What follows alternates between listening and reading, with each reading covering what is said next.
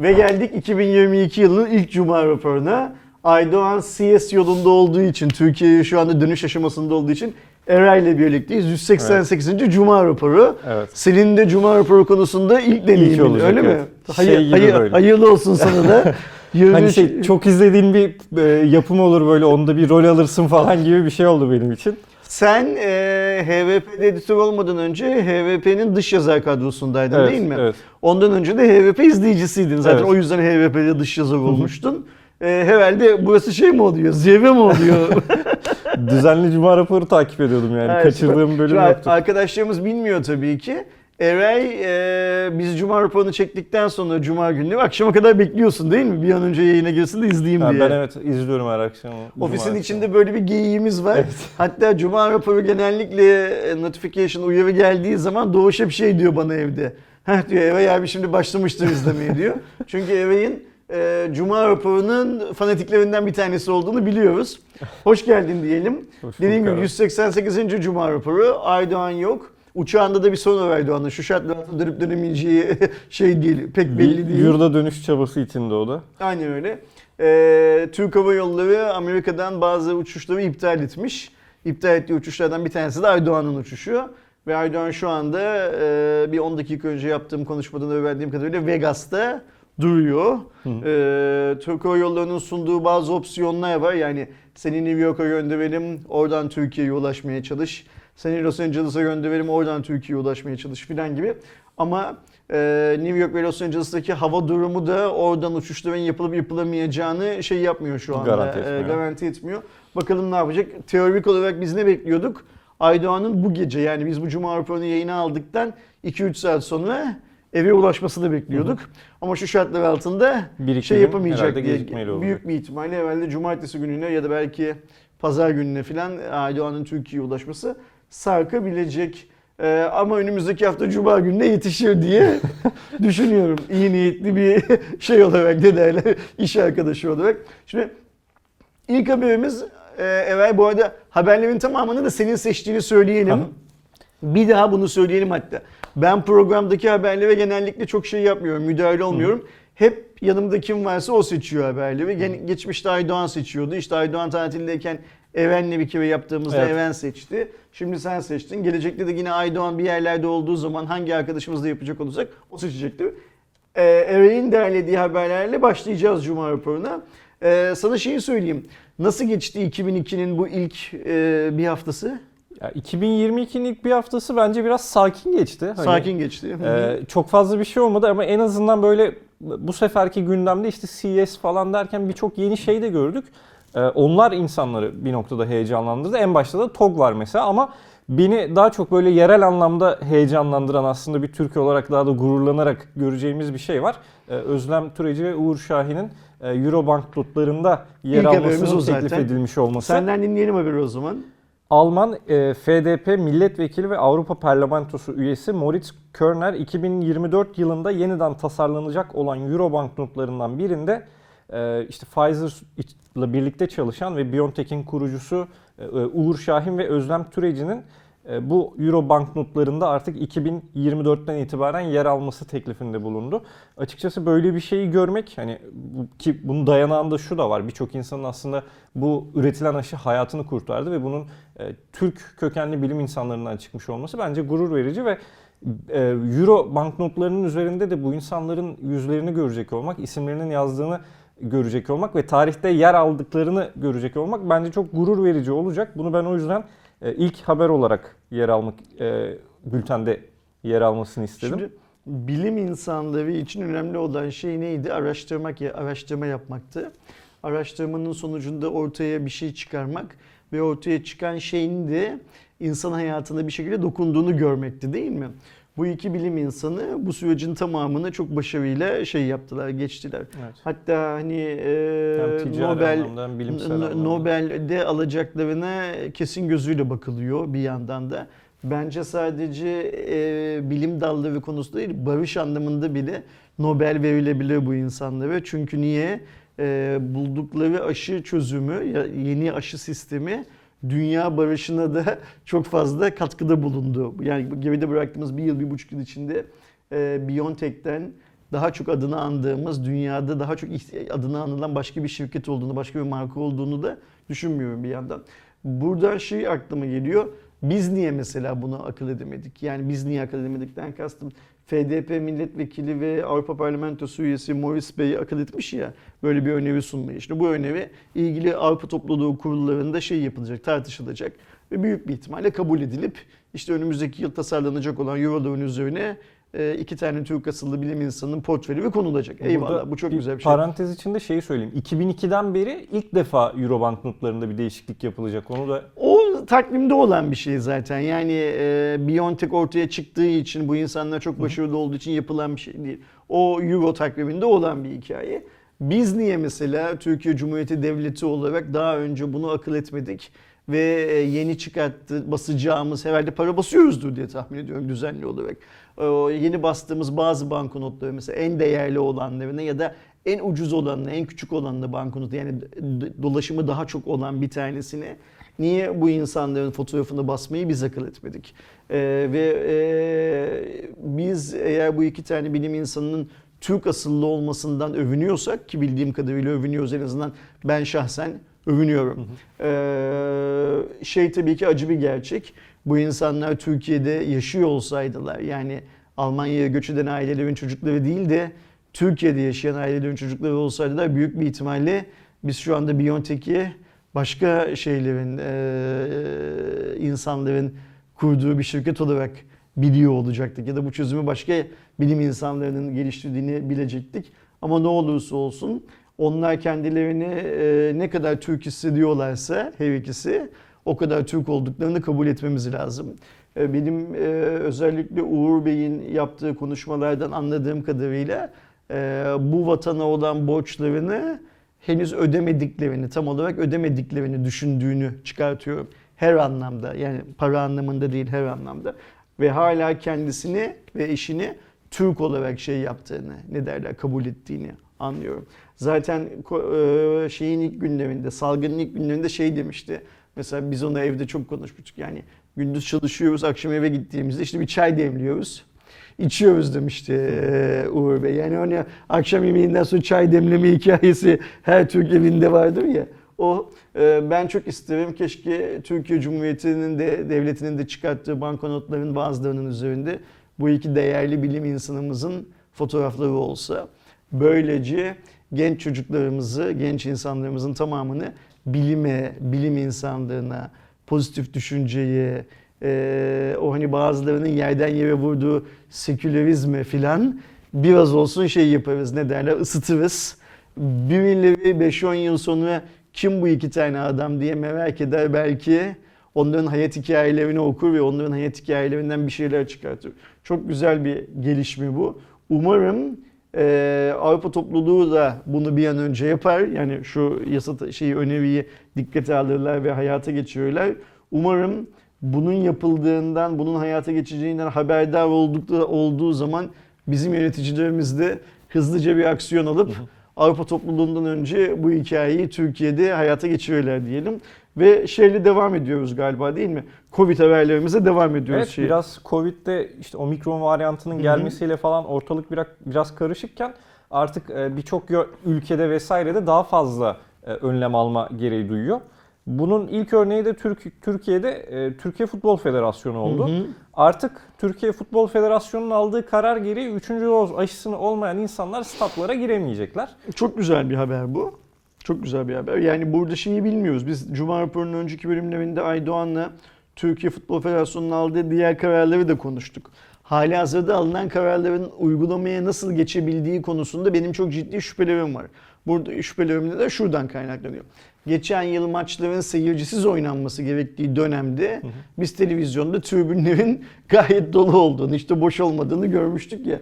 Yani seyircisizde bile tribünlerin o kadar dolmasına e, göz yumabilen bir federasyonun bu kuralları nasıl uygulayabileceği konusunda benim ciddi soru işaretleri, şüphelerim vardı kafamda. Ama ne olursa olsun e, üçüncü doz aşısını olmayanların stada giremeyecek olmaları yani bunu m, prensipte bir karar olarak alsalar ve pratikte uygulayamasalar bile tam olarak ki ben eminim mutlaka bir şekilde uygulamaya çalışırlar.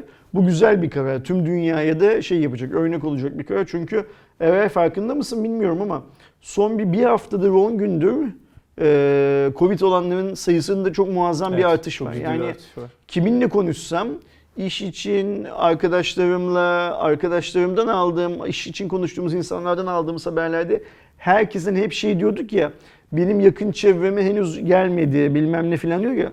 Bu hafta yaptığım telefon görüşmelerinin yarısından çoğunda işte Covid olduk. Ben, ben Covid oldum. Evden birisi Covid oldu. Aa, Abim Covid oldu, ablam Covid oldu bilmem ne filan filan gibi haberler almaya başladık. O yüzden eee, şeyin aldığı, federasyonun aldığı bu karar tabii ki çok önemli. Eee, umalım ki şey olsun, uygulamada da eee Covid'in yayılmasını, yayılma hızını biraz olsun şey yapacak, düşürecek bir o şey olsun, araç olsun bu. Covid'den devam ediyoruz Hatta bildiğim bununla kadarıyla. beraber evet Amerika Birleşik Devletleri'nde de artık vaka sayıları 1 milyonu bulmaya başladı ve hatta hı. geçtiği söyleniyor. Ee, Yani bu da bir diğer noktaydı aslında. Şu an omikron gerçekten çok hızlı yayılıyor. Tek e, burada iyi noktası eskisi kadar e, fazla hasar veren veya hastaneye yatış oranının e, yüksek olduğu bir hastalık, bir varyant olmaması. Buradan tekrar yine aslında biraz aşıyla bağlantılı olarak Tamam. ee, ABD'de bir kongre üyesinin Twitter hesabı kapatıldı. Sebebi de aşı karşıtı olması ve biraz daha böyle işte e, söylemlerinin biraz daha artık böyle nefret söylemlerine yaklaşmasından kaynaklı olarak e, Cumhuriyetçi Marjorie Taylor, Taylor Greene, Taylor Greene diyelim aslında. Hı hı. Taylor Greene'in Twitter hesabı e, kalıcı olarak kapatıldı Trump'a olduğu gibi. Bir kadın bürokrat bu değil mi? Evet. Yani kadın politikacı pardon bürokrat değil bir kadın politikacı. Ee, yani Amerika'da biz e, tabii ki Twitter birçok şeyi e, kullanıcı hesabını falan kapatıyor zaman içinde işte sahtekarlık olanları bilmem ne falan filan ama Trump'tan sonra ikinci kez bir politikacının hesabının Twitter tarafından kapatıldığını görüyoruz. Buradaki kapatılma nedeni e, Taylor'ın e, Taylor Greene'in ben aşı karşıtıyım filan demesi değil. Yani onun fikri olarak e, fikir özgürlüğü değil.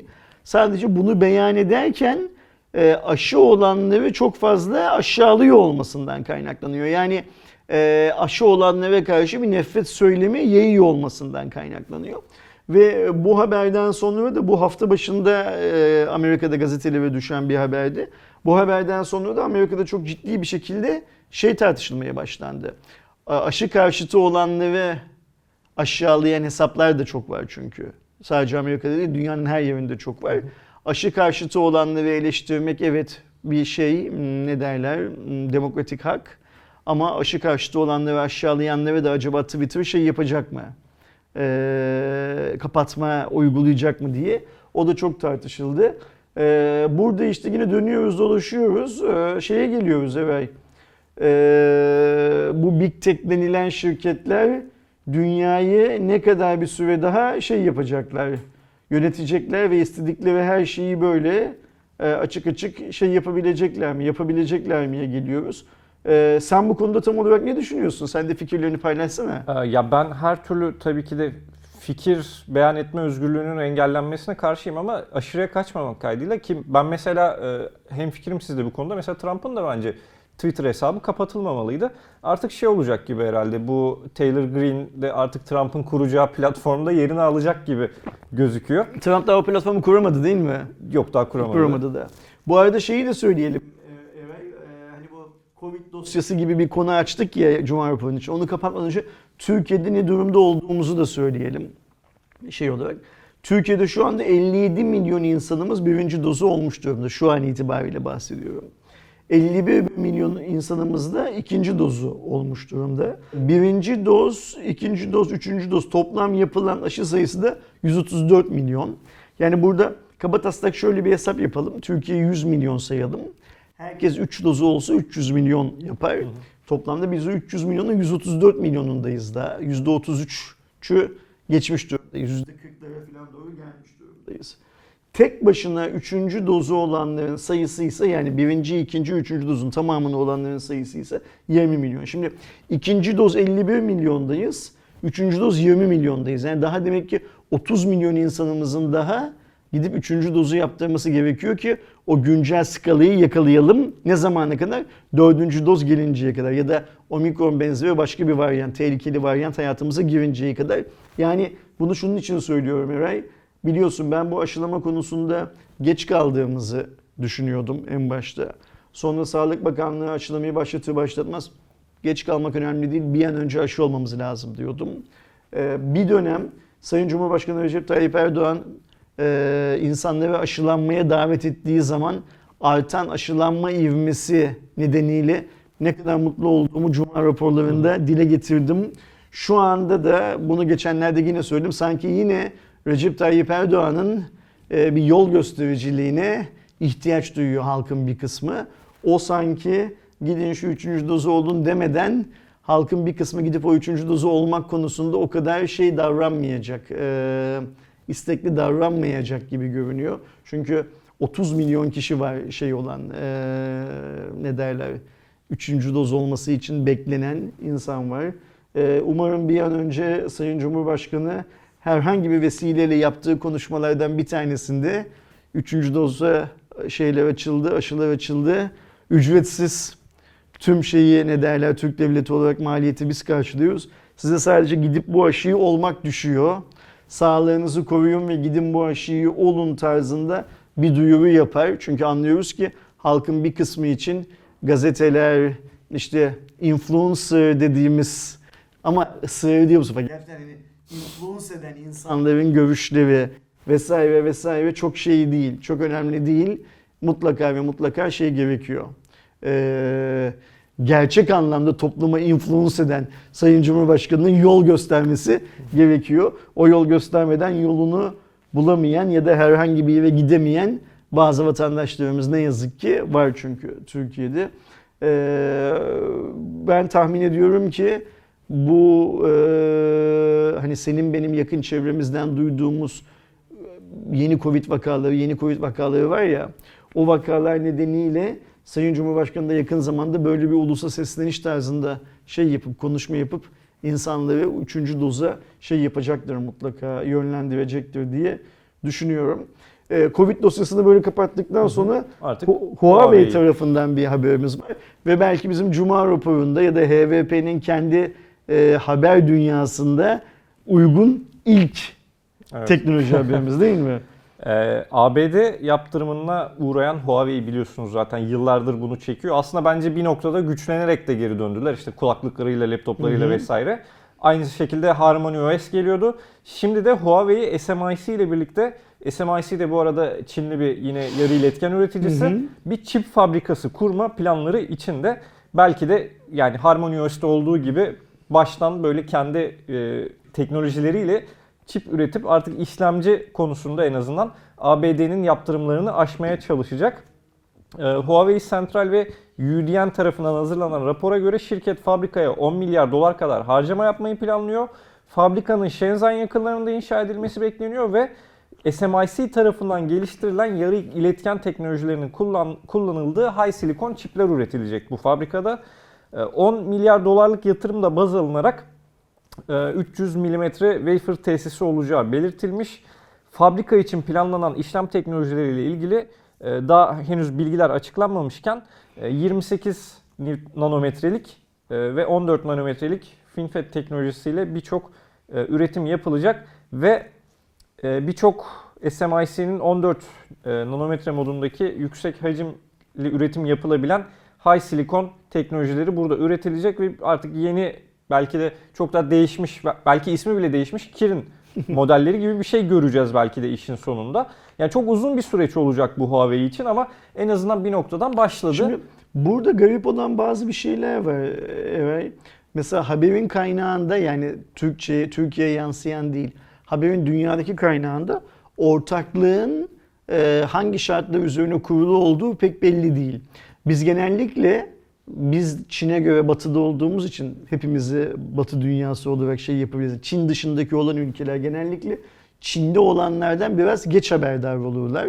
Ve bu ortaklık filan filan gibi yapılarla da aslında e, çok fazla ilgilenmezler. Çünkü Çin'deki ortaklık durumları batıdaki bazı devletleri filan rahatsız edebilecek şeye gelebiliyor, seviyeye gelebiliyor.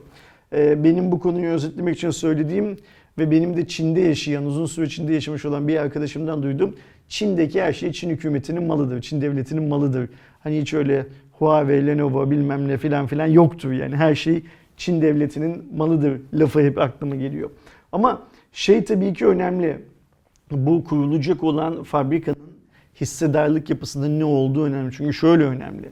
Eğer burada Huawei büyük hissedarsa bence Amerika bu tesiste 5G ünitelerinin üretilmesine mutlaka engel olmaya çalışacaktır. Yani şu, bunu şunun için söylüyorum. Şu anda Huawei nasıl Kirin'i üretemiyorsa, niye üretemiyor Kirin? Kirin üretimi için gerekli olan bazı ham maddelerin Amerikan şirketleri tarafından bunlar satılan ham maddeler. Bu ham maddelerin Huawei'ye satışı yasak. Amerikan şirketleri bunu satmıyorlar. Ama ne yaptılar? Buradan da yine bir Huawei'yi öldürmeden Amerika'nın para kazanması için 4G işlemcilerin Huawei'ye satışına onay verdiler. Nitekim şu anda Qualcomm satıyor. Başka şirketlerde e, Huawei alıcı olsa şey satabilirler demek ki 4G işlemci satabilirler. Burada aklıma gelen şey şu. Acaba kurulacak olan fabrikada 5G ünitelerinin, bunun sadece işlemci değil, 5G altyapısında kullanılacak olan herhangi bir yarı iletkenin, herhangi bir işlemci modülünü yani herhangi bir akıllı çipin üretilmesine Amerika ambargo uygulayacak mı? Bana uygular gibi geliyor. Yani Huawei'ye bunu ürettirmeyen adam Huawei'nin ortak olduğu bir yapıya da bunu ürettirmez gibi geliyor bana. Ama bir yandan da şöyle bir hikaye var. Ee, böyle bir şeyi üretemeyecek olsalar Huawei bu topa niye girsin değil mi? Yani zaten kendi e, kimin üretimi vardı tamam durdu. Ama bir daha ikinciye nereden girsin? Ee, neler olacağını göreceğiz. Ben haberin kaynağında şeyde çok bulamadım. Kesin bir üretim tarihi ya da ne üretecekleriyle ilgili kesin bir bilgi. Yani mesela atıyorum senin biraz önce altına çizdiğin gibi biz kimin üreteceğiz gibi bir bilgi bulamadım. Ya da biz gerekiyorsa Qualcomm'a Mediatek'e üretim yapabiliriz filan gibi bir bilgi bulamadım. Şu gün şu tarihte üretim bandımız çalışacak gibi de bir bilgi bulamadım. O yüzden bu haberin şeyi olalım bence, e, takipçisi olalım bence. Buradan çünkü biz gelecekte çok farklı farklı şeyler duyabiliriz gibime geliyor. Aklımda yok yani şöyle bir şey çıkar mı, böyle bir şey çıkar mı falan diye bir şey söylemek aklımda yok ama Huawei böyle bir yatırım yapıyorsa bunu ben şey olarak görüyorum. Huawei'nin bugüne kadar yaptığı yani bu e, Amerikan ambargosundan sonra yaptığı her şeyde olduğu gibi bir bypass yöntemi olarak görüyorum. Yani şehrin trafiği tıkalı, çevre yoluna çıkmak gibi. İşte şehrin trafiği niye tıkalı? Huawei'nin önünde ambargo var ve Huawei o ambargoyu bazı yöntemlerle aşmaya çalışıyor. 4G ile işlemci alıp telefon çıkarmak da aşmanın bir yöntemi. E, suskun kalıp Amerika'nın bunu kendi içinde, kendi adalet sistemi içinde çözmesini beklemek de bir çözüm yolu. E, bence bu da şu fabrikanın duyurusunu yapmakta bir çözüm yolu. Belki de şey diyorlar burada e, Amerikan hükümetini hiç bilemeyiz. E, işlemci pazarındaki en büyük karlılık Amerikan şirketlerine ait. E, biz bu fabrikada Amerikan şirketlerine işlemci üretip o karlılığın bir kısmının Çin'e sermaye olarak geriye dönmesini sağlayacağız. Bilginiz olsun. Çünkü aslında bu sorunun temeli şeyden kaynaklanıyor ya. Çin'in ucuz iş gücünden çıkıp gayet şey bir şekilde büyük bir oranda Amerika'nın parasından pay alma alır hale gelmesinden. Çin'in ekonomisinin hızla büyümesinden kaynaklanıyor ya. Belki de Huawei burada Amerikan hükümetine alttan alta diyor ki siz bizim Huawei olabilir bu biz ya da Çin olabilir bilmiyoruz ne olur. Bizim bu pazardan pay almamızı engelleyemezsiniz diyor da olabilir. Ne olacağını zaman içinde şey yapar, görürüz ve yine şeyle arkadaşlarımızla paylaşırız şeyi. Ee, Huawei'den sonra da bir tane Apple haberimiz var öyle değil mi? Benim en sevdiğim marka Apple dünyada. Evet. e, Ee, Apple'ın haberi çok güzel bir haber. Sen eminim bu haberi paylaşmaktan mutluluk duyarsın arkadaşlarımızla. Ee, Apple 3 trilyon dolarlık piyasa değerine ulaşan ilk ABD şirketi oldu ve son 4 yıl içerisinde 3 kata yak- yaklaşık değerlendi. 3 kat yaklaşık 3 kat değerlendi Apple hisseleri ve hala da Apple'ın hisse fiyatları yükselmeye devam ediyor. Bu yükselişle de beraber zaten 3 trilyon doları geçti artık Apple'ın piyasa değeri. Yani e, Apple bayağı durdurulamıyor konumunda şu anda. Arkasından da Apple'ın arkasından da Microsoft geliyor 2,5 trilyon dolarlık değeriyle. Onun hemen arkasından Google var 2 trilyon dolarlık değeriyle. Onun da hemen arkasında Amazon var 1.75 trilyon e, dolarlık değeriyle. Yani Apple şu an e, gayet Ve durmuyor senin söylediğin gibi. Yani bu- gibi bundan bir önceki rekor da yine Apple'a aitti. Onu da söyleyelim. Yani e, bu 3 3'e gelmeden önceki rekoru da yine Apple kırmıştı şey anlamında. Şimdi bunu da kırıyor. Benim dikkatimi çeken şey şu. Microsoft bir iki yıldan beri filan gelirlerini çok güzel arttırıyor. Yani e, biz dışarıdan baktığımız zaman biliyorsun Microsoft artık Windows'tan yani eskisi kadar çok sürüm çıkartmadığı için Windows'tan çok fazla para kazanamaz halde görüyoruz. Ya da yeni sürüm çıkarttığı zaman 11'de olduğu gibi lisanslı 10 kullanıcılarına ücretsiz vermesi filan nedeniyle. Ama Microsoft karlılığını artırıyor çünkü Microsoft B2B denilen iş pazarı tarafında yani kurumların kullandığı çözümlerde yani database, CRM filan gibi çözümlerde muazzam bir şeye gidiyor. ka- Karlılık oranına gidiyor ve geçenlerde bir yazı okudum. Şu anki Microsoft CEO'sunun finansal anlamda bundan önceki tüm CEO'lardan daha başarılı yani görev süresi bittiği zaman daha başarılı ilan edilme ihtimalinden bahsediyorlar. Şimdi bundan önceki CEO'lar kim? Microsoft'u kuran adamlar. Bir önceki Ballmer, Ballmer'dan önceki şey e, Bill Gates. Bill Gates. Yani e, işi esas icat eden Gates'ten bile daha başarılı olabileceği konuşulan bir Nadella'ydı galiba değil mi? E, yeni şeyin adı, CEO, CEO'nun adı. CEO'dan bahsediliyor. O yüzden Microsoft'un ikinciliği şey yapması, ne derler alması çok garip. Çünkü ben beklerdim ki, daha doğrusu ben değil muhtemelen bu programı izleyen arkadaşlarımızın çoğu beklerdi ki Microsoft hani Microsoft Windows Mobile'da falan başarısız oldu. E, Windows'u da zaten ücretsiz veriyor artık bir şekilde. Çoğunlukla ücretsiz veriyor. E, dünyada ofis kullanan insan sayısı da zaten çok fazla yok bir şekilde. E, consumer tarafta, son kullanıcı tarafında hani Microsoft'un popülaritesi azalıyor ya. E, Gates de artık dünyanın en zengin adamı değil. O doğruyu kaybetti bu, sırf bu yüzlerden. Microsoft'un da şeyi azaltmasını, e, vites düşürmesini beklerdim. Ama gördüğümüz kadarıyla Microsoft ikinciliğe sımsıkı yapışmış durumda. Karlılığını arttırdıkça arttırıyor. E, ben açıkça söylemek gerekirse e, Apple'ın e, bunu geçenlerde bir videoda yine söyledim. Çok önce yani bundan iki yıl önce filan en tepeyi görüp düşüşe geçeceğini öngörenlerdendim. Benim bu öngörüm şey olmadı, ne der tutmadı. Ben burası zirve dedikçe Apple Yeni değerlendi. zirveler. Apple değerlendi. Yani şöyle söyleyeyim. Eğer benim Apple hissem olsaydı elimde ben çok önceden satıp çıkmıştım ve onun ne kadar hızlı yükseldiğini, satmayan adamların ne kadar zengin olduğunu uzaktan bakıyor olurdum. Benim öngörüm böyle şey oldu. Ee, bozuldu.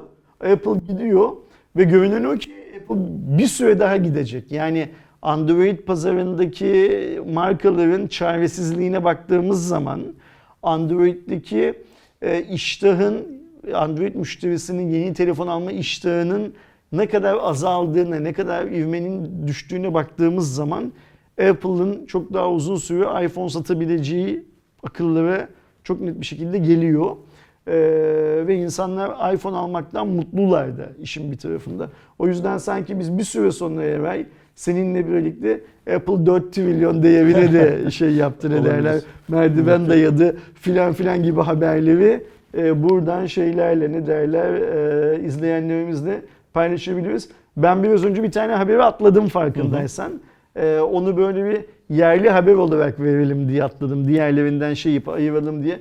Haberi sen bizimle paylaşsın arkadaşlarımız bu konuyla ilgili ne düşünüyor onu çok merak Aslında ediyorum. çünkü. şöyle yani 5 Ocak günü saat 6.20 sularında Alanya'da bir deprem oldu Alanya civarlarında. Ve 5.3 şiddetinde bir depremde. Şimdi diyeceksiniz ki 5.3 şiddetinde depremler olabiliyor zaten hani Türkiye'de sıklıkla. Bunun niye haber yapıyorsunuz şu anda?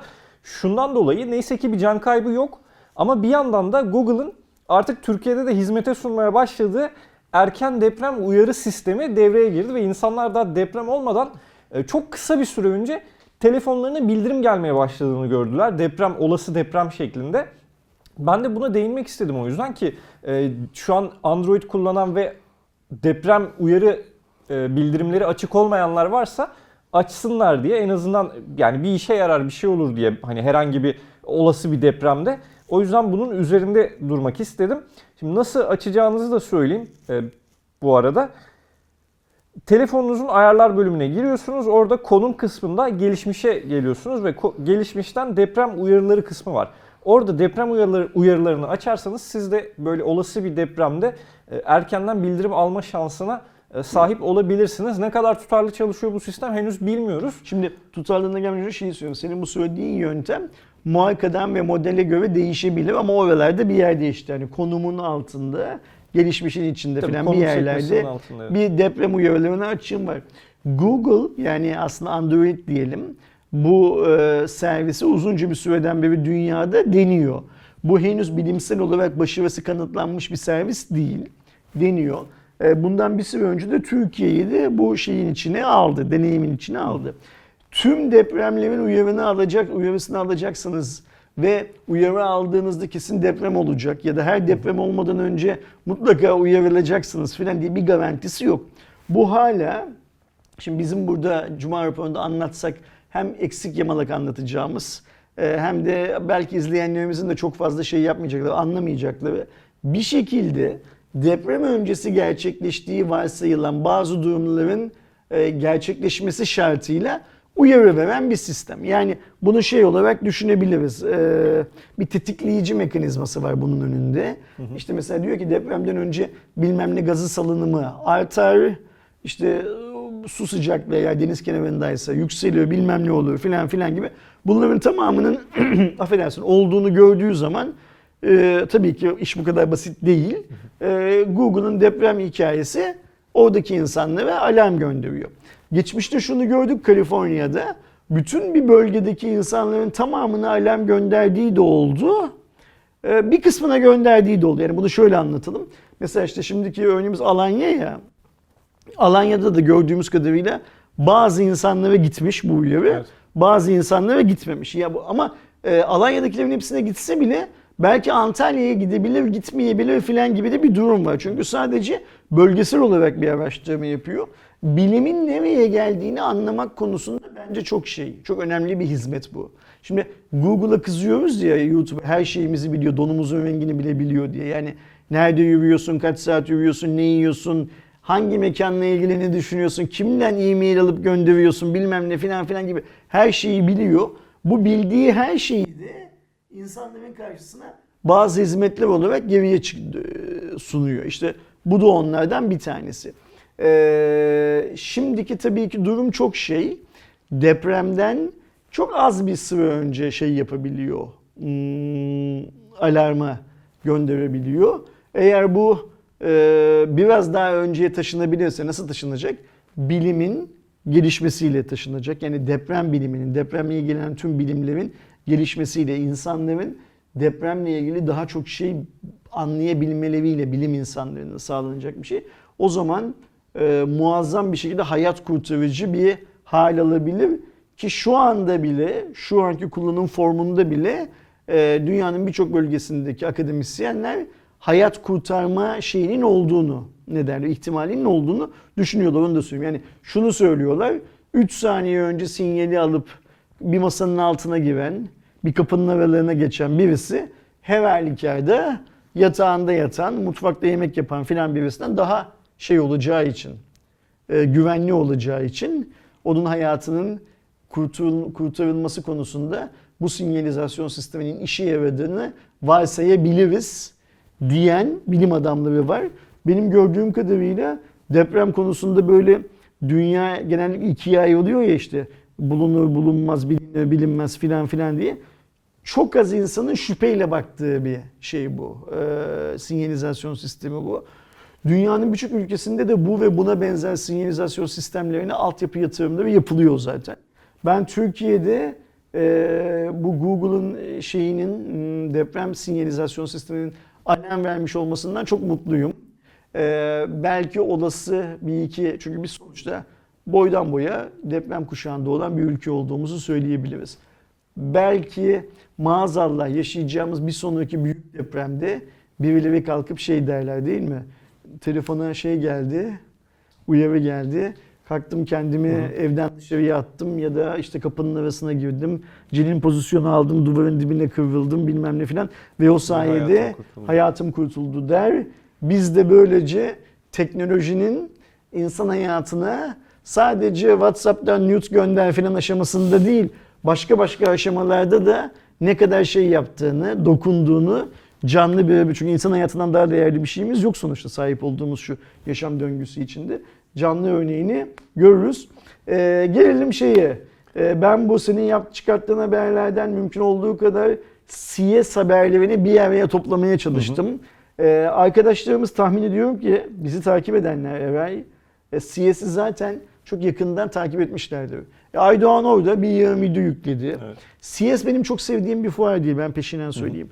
Ben CS'i böyle bir çakma İFA'ya benzetiyorum. O Amerikalıların hani her şeyin daha iyisini, daha büyüğünü yapma güdülerinden yola çıkan ve ulan Almanlar bu işten çok para kazanıyorlar. Biz bu paranın bir kısmını nasıl Nevada'nın çöllerine akıtırız diye ortaya çıkarttıkları bir şey e, fuar olarak düşünüyorum CS'i. Ama tabii benim öyle düşünüyor olmam çok şey değil, bir şey ifade etmiyor. Çünkü biz her yıl CS'de en az bir tane iki tane hafızalara kazınan şeyi görüyoruz değil mi? Olay görüyoruz. Mesela bundan bir iki yıl önce LG'nin şu katlanabilir televizyonunu görmüştük. Ben biliyorum ki mesela o katlanabilir televizyon bu yıl Türkiye'de ürün olarak satılacak. Düşünebiliyor musun? Yani iki yıl önce CS'de prototip olarak gösterilen ürün bu yıl Türkiye'de bile satılıyor. Bu yılki CS'de de aklımda kalan şey BMW'nin Bavyera Renk Motor fabrikalarının renk değiştiren otomobili oldu. Ve sanırım herhalde dünyanın büyük bir kısmının da aklında BMW'nin yaptığı o şey kalacaktır, e, hikaye kalacaktır. Ama tabii ki sadece BMW'nin şeyi değil, Sony'nin de bir arabası var şeyde. Evet, Yani Sony fuarda. Vision. Sony aslında hep e, gösteriyordu da hani böyle bir işte gösterip ama ulaştıramıyordu bir türlü bize onu. E, şimdi Vision S02'yi gösterdiler bu, bu, bu sefer de CES'te. E, ikinci konsept aracı Sony'nin. Hı hı. E, keşke birincisi böyle bir yollara çıktıktan sonra ikincisini görseydik diyeceğim ama 7 kişilik hani bir otomobil bu daha büyük tarzda SUV zaten. E, 4895 mm genişlik pardon 4895 mm uzunluk, e, 1930 mm genişlik, 1600 mm yükseklik ve aks mesafesi olarak da 3030 mm olarak söyleniyor. Tesla e, Model Y ve Tesla Model X arasında konumlanması beklenen bir araç ve ağırlığı 2480 kilogram yani 2,5 tonluk da bir ağırlığı var. E, Yani bayağı da büyük bir şey aslında. Merkezde bir multimedya ekranı var. Yine işte e, SUV konseptinde işte Sony'nin yine Vision S dediği bir dijital servislere falan sahip. işte eğlence sistemi vesairesi. Aynı zamanda PlayStation'la ayrı bir bağlantı Sadece sunabiliyor vesaire. Sony'nin sahip olduğu her şeyle yani bu filmler, müzikler bilmem neler falan Evet, da Sony dahil servisleriyle. Sony servislerinin tamamıyla entegre çalışabiliyor. Ee, ve 268 beygir güç üretebildiği söyleniyor. 0-100'e çıkma süresi de sedan modelden biraz daha uzun olacak. Daha ağır olduğu için 2,5 ton, beklenen. a- iki buçuk ton az buz bir ağırlık Evet. değil çünkü.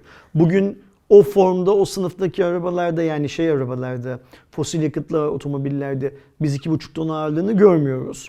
Bu şeyde e, Vision S2'deki 2,5 ton ağırlığın en büyük nedeni de piller büyük bir ihtimalle. Evet. Çok fazla şey olması, pil olması. Şimdi Sony Vision su- evet şöyle bir şey var. Sen söyledin ama onun bir altını çizelim. Biz daha önce ilk Vision S'i görmüştük. Prototip olarak yine böyle. Ve bunun Japonya'da bile bir ürün olarak piyasaya çıkmadığına şahit Evet. olduk evde bıraktığımız zaman da. Şimdi Vision S2'yi görüyoruz e, CS'de. E, bire ilk modelle kıyaslarsak çok daha gelişmiş bir araç.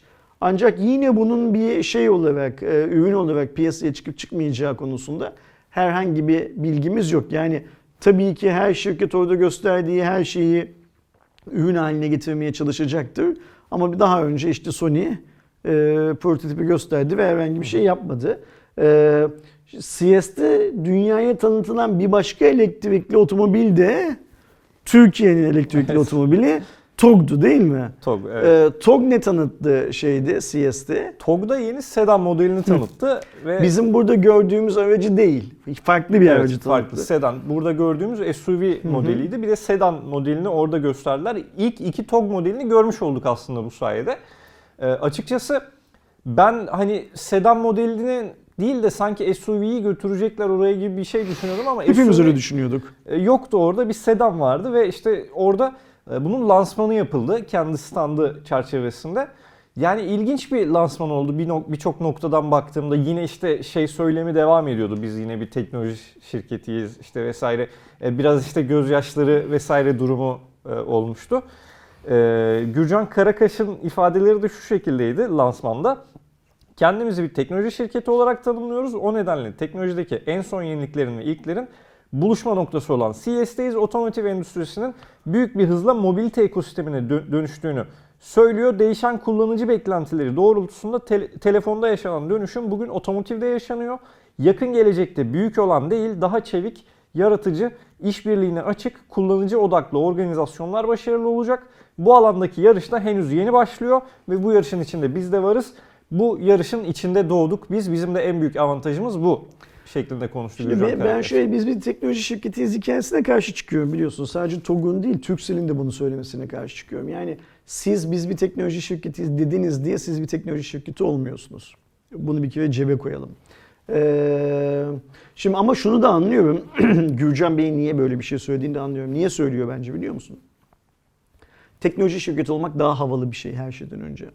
Otomobil şirketleriyle 100 yıllık, 150 yıllık otomobil şirketleriyle rekabet etmektense e, daha e, bıyığı yeni terleyen teknoloji şirketleriyle rekabet etmek Gürcan Bey'in daha kolayına geliyor. Bir de ortalıkta zaten rekabet edeceği çok fazla bir teknoloji şirketi de yok bu anlamda. E, alttan alta işte bizim rakibimiz Tesla, hani tek rakibimiz Tesla. Hani bu şey gibi tek rakibim Türk Hava Yolları yazıyordu ya ben küçükken dolmuşların arkasında. Tamponu bile olmayan dolmuşların arkasında. Onun gibi bir hikaye. Ancak şimdi sizin teknoloji şirketi olmanız için bunu sadece TOG için söylemiyorum, Turkcell için de söylüyorum. Ne ürettiğinize bakmak lazım. Ben Tesla şeyin de TOG'un da kimse kusura bakmasın Turkcell'in de herhangi bir teknoloji ürettiğine bugüne kadar şahit olmadım. TOG'un zaten hiçbir şey ürettiğine şahit olmadık da. İlk önce bir ürün çıkacak ortaya. En başından beri bunu söylüyoruz ya.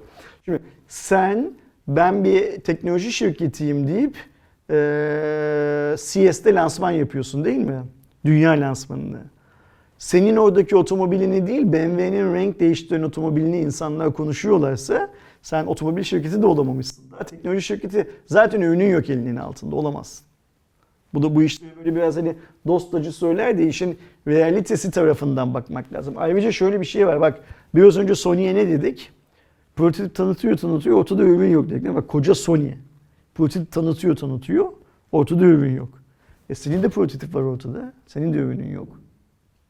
Yani Sony prototip tanıttığı zaman biz diyeceğiz ki Sony prototip tanıtıyor ürün yok. TOG prototip tanıttığı zaman aa bravo TOG diyeceğiz öyle mi? Yok olmaz öyle bir şey. Şimdi ben dünden beri uluslararası basında bu TOG'un yaptığı lansmanın nasıl yansıdığını anlamaya çalışıyorum. Neredeyse doğru düzgün bir yansıma yok. Yani Türk'ün Türkiye sattığı bir TOG başarısı var şu anda. Sosyal medyada gördüğüm kadarıyla. İşte bu ağlamalar mağlamalar falan hepsi öyle. Sonra şey söylemini Türkler çok beğenmişler mesela. Biz çok kaliteli bir insan gücüyüz ve dünyanın başka yerlerinde çalışmak yerine tersine beyin göçüyle, göçüyle geldik Türkiye'de çalışıyoruz söylemini Türk halkı çok beğenmiş. Sosyal medyadan anladığım kadarıyla. Buna da çok büyük bir prim kasılıyor bu yöntemlerinde. Ama hiç kimse şeyi konuşmuyor tabii ki. Yani bugün 3 lira alan o TOG'a hani ters mühendislikle gelen arkadaşın bir önceki işinde kaç lira aldığını bu- bugün 3 lira alırken de 5 lira verirlerse tekrar başka yere gidip gitmeyeceğini kimse konuşmuyor. Şimdi ben bilimin, bilim üretilmesinin, teknoloji üretilmesinin böyle çok da milliyetçilikle falan bir alakası olduğunu düşünmüyorum. Bunu bir kere cebe koyalım. İyi bilim adamı yetiştirebiliyorsan ülkede yani üniversitelerindeki eğitim seviyen senin yüksekse o zaman teknoloji de üretirsin, ilaç da üretirsin. Almanya'nın yaptığı gibi yeni aşı da bulursun. Almanya'da okuttuğun Türk çocukların, Türk asıllı çocukların kurduğu şirketle bunu da yaparsın filan filan. Yok gidip üniversitenin kapısını kelepçeyle kitlemeye kalkarsan oradan bir şey çıkma çıkartamazsın çok fazla gidemezsin oraya. Şimdi Türkiye'nin gerçekliği böyle. Türk insanı şeyi seviyor. Ee, ucuz şövenizmi çok fazla seviyor. Ee, ben dün yaklaşık bir buçuk saat boyunca filan Twitter'da kendimce bazı filtrelemeler yaparak TOG'un hakkında neler yazıldığını anlamaya çalıştım. Türkçe arama yaptığın zaman herkes şey e, çok mutlu. İngilizce arama yaptığım zaman TOG'la ilgili doğru düzgün hiçbir şey göremiyorum. Dönüp dünyanın bilinen, bak saygın falan demiyorum bak kimse yanlış anlamasın. Bilinen medyalarına bakıyorum. Ve bu medyalarına bakarken de otomobil medyalarına değil. İşte CNN gibi, Bloomberg gibi, New York Times gibi bilmem ne filan filan anlayabildiğim kadarıyla birilerine bakıyorum. Dilimin yettiği kadarıyla, yabancı dilimin yettiği kadarıyla. TOG'la ilgili yapılan haberlerin uzunluklarıyla e, BMW'nin renk değiştiren otomobiliyle ilgili haberlerin yapılan uzunluklarına baktığımda arada çok büyük farklar var. Twitter filan gibi sosyal platformlarda paylaşılan bir tane BMW haberini, videosunun bir 30-40 saniyelik BMW videosunun izlenme sayısıyla TOG'un ağlayan CEO'sunun izlenme sayısı arasında dağlar kadar fark var. Ee, BMW'ninki daha çok izlenmiş. Onu söylemeye çalışıyorum.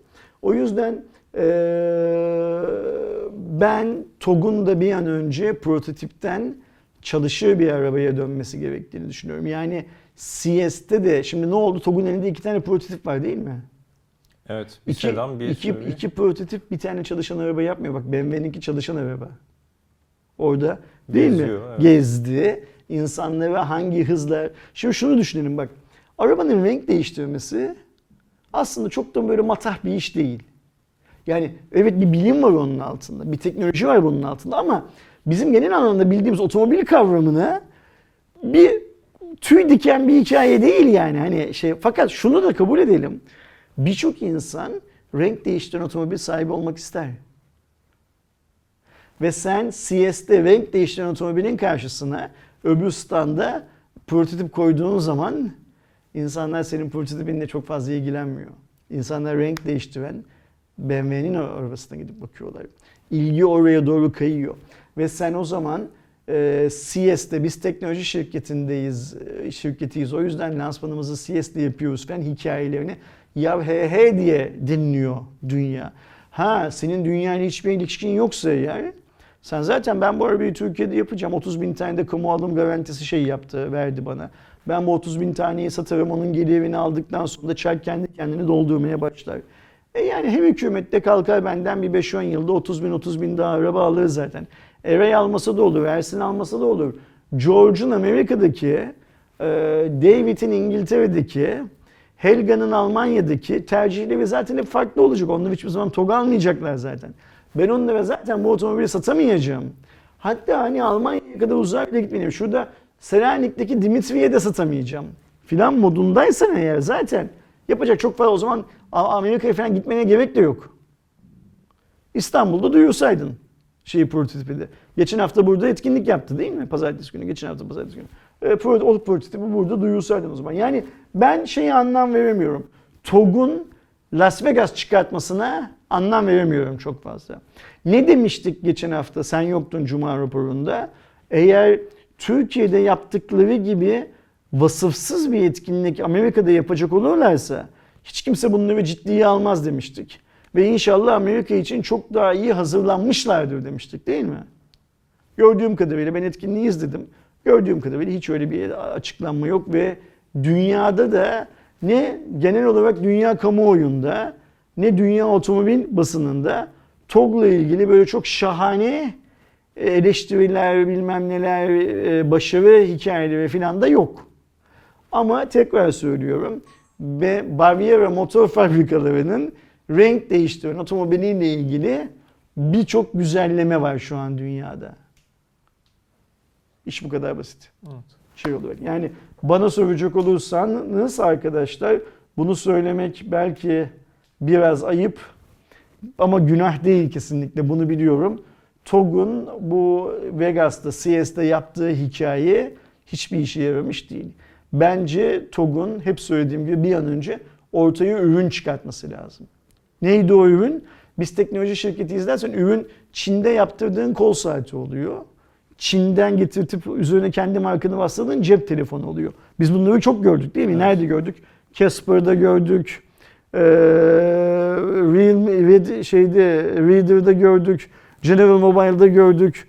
Bir yığın farklı farklı. Bugün gibi hepsi burada.com'a bir yığın yerli şirketin Snoopy, ıvır zıvır falan adı altında yerli şirketin kol saatlerini falan gördük. TOG'dan beklediğimiz şey değil. TOG'dan beklediğimiz şey e, gaza bastığın zaman giden, frene bastığın zaman duran, bugünün Türkiye'sindeki ortalama bir insanın alabileceği fiyatlarda bir otomobil ortaya çıkartması. Şahsen benim bir Türk vatandaşı olarak beklentim bu. Yani ben TOG'dan bugünün şartlarında, şimdi Gürcan Bey çok güzel söylüyor ne diyor? Bugünün diyor bir şeyden rekabetçi olacağız diyor. Onun rekabetçi olacağız dediği arabaya bakıyorum 1 trilyon şu anda. 1 trilyonluk arabayla rekabet eden arabayı Türk halkı alamaz. Çünkü 1 trilyonluk arabayla rekabet eden, fiyat olarak rekabet eden araba minimum 700-800 milyar olur. Bugün Türkiye'de cebinde 700-800 milyar lira parası olan adamlar zaten arabalarını alıyorlar arabayı. Onların TOG'a ihtiyaçları yok. Halk şöyle zannediyor. 200 milyara 300 milyara TOG alabileceğini zannediyor. Bu çok net bak. Diğer TOG yorumlarına bak bizim Aydoğan'ın çektiği videonun altında bile bazı eleştirilerde bulunan insanlara cevap olarak şu veriliyor. Ucuzu da gelecek diyor. Ucuzunun geleceği konusunda ne Gürcan Bey'in ne de o baba yiğitlerin herhangi bir açıklaması yok ki. Ucuzu falan gelmeyecek bunun. Adam CEO olarak dedi ki şu segmentteki bugün satılan araçla rekabetçi bir fiyatımız olacak bizim dedi. O segmente bakıyorsun bugünün Türkiye'sinde bir trilyona segment. İş bu kadar basit. Yani ayaklarımız bir yere değsin, malı görelim. Ee, aylardır bu cuma raporunda diyorum ki malı görelim. Malı görelim, malı görelim. Malı hala göremedik. Daha ortada mal yok çünkü. İstanbul'da başka şey gösteriyorsun. Vegas'ta başka şey gösteriyorsun. Ve ne diyorsun? Cepten çıkarttığın şeyden şapkadan çıkarttığın tavşan biz bir teknoloji şirketiyiz diyorsun. Sonra fiskos böyle ara konuşmalarda gazetecilerin yanına gidip bir tane yöneticin bizim rakibimiz Tesla diyor. Değil mi? Tesla bizim rakibimiz. Ay Allah bize akıl fikir versin diyelim ve e, TOG'u yolda yürüyen haliyle görmek için can attığımızı. Ben de can atıyorum. Can Çok attığımızı. heyecanlıyım yani. TOG'u görmek yani ben en azından şu renk değiştiren BMW'nin 50 metre gittiğini görüyoruz ya videolarda. 50 metre giden bir tane TOG bize göstereceklerini umuyordum Vegas'ta. 50 metre gitsin ya. Piste miste falan çıkarmadan 50 metre giden bir tane TOG göstersinler bize diye umuyordum. Oradan da çıka çıka bir tane şey çıktı. Ee, adını sen söyle. Ee, prototip çıktı. Şimdi meğer otomobil dünyasına girdik böyle. Otomobil dünyasına iki tane haberle devam edelim. Bunların her ikisi de Tesla ile ilgili haberler. Sen haberleri ver lütfen. Ben yine arada senin lafını keseceğim merak etme. Tabii ki. Şimdi Tesla'da artık bu hani elektrikli otomobillerdeki en büyük sıkıntı pil ve menzil.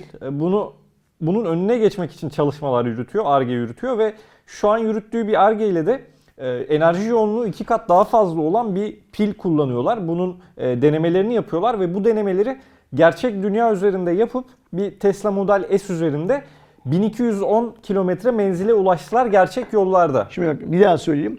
Bu kağıt üstündeki Bir değer değil, değil. evet. Bu kağıt üstünde yapılan çalışmaların gerçek hayata çıkmış hali. Kaç kilometre? 1210 kilometre yapmayı başardı. Arkadaşlarımız ne yapsınlar biliyor musun şimdi? Haritayı açsınlar kendi bulundukları noktadan 1210'u ikiye bölsünler. Yani 605 kilometre yapar. 605 kilometre nereye gidip dönebileceklerini şöyle bir hesap etsinler kendi bulundukları noktada. Mesela biz şu anda İstanbul Kavacık'tayız. 600 kilometreye biz İzmir'e gidip devreye dönebiliyoruz değil mi? Yani gideriz, döneriz. Döneriz de. evet, Aynen döneriz. öyle. Yani İstanbul'dan İzmir'e tek şarjla teorik olarak gidip gelebileceğimiz deneyimi 1210 kilometre yol yapan otomobil pilini bir tane Model S'te Tesla çalıştırdı. Değil mi? Okey tamam. İlk haber buydu. Buydu Tesla cebimizde. Bu bataryaya da Gemini adını vermişler bu arada. Yani bilmiyorum ileride seri üretime geçecek mi falan ama geçmesi de bekleniyor. Özellikle 2023-2024 yılları için. Ee, Tesla'dan diğer haberde 2020'deki satış sayısını açıkladı Tesla ve satış sayısına inanılmaz bir artış yakalamış. Yaklaşık e, %71 artışla e, çok daha fazla yani 308.400 araç satmış. Yalnızca dördüncü çeyrekte. E, bu da şu anlama geliyor. Yani bir yandan alttan da Tesla geliyor. O kadar işte çip krizinin vesaire etrafından dolaşmaya çalıştıklarını görmüştük. Çok farklı e, yöntemler izleyerek. Ve bunu hem e, satış adetlerini arttırarak hem çip krizinden minimum düzeyde etkilenerek bu işin içinden çıkmayı başarmışlar. Yani çeyrekten çeyreğe %70'lik artış e, bence Muazzam muazzam, yani. rakam. Şimdi Reddit'te okuduğum bazı yorumlara göre Ee, ve tabii ki o yorumların bir kısmı da gerçek rapor sonuçlarına dayanıyor.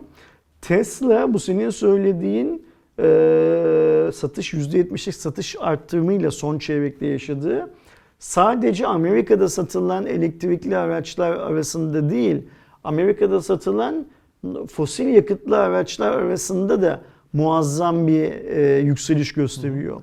E, yani Yıllık bu- bazda daha da yüksek bu arada. Hı hı. Yani burada şöyle bir hikaye var. Ee, Tesla artık sadece elektrikli bir araç gibi görüyor, elektrikli bir otomobil olarak görünmüyor Amerika'dan baktığımız zaman. Tesla, Ford'a, General, Mobile, General Motors'a, General Mobile dedim. İşte Avrupa'da Renault'a, Citroen'e, BMW'ye, Mercedes'e falan tamamına rakip bir başka şey olarak görülüyor, görünüyor. Ve satış rakamları da bunu doğruluyor. Yani Mercedes'in sadece elektrikli otomobillerinden daha çok satmıyor.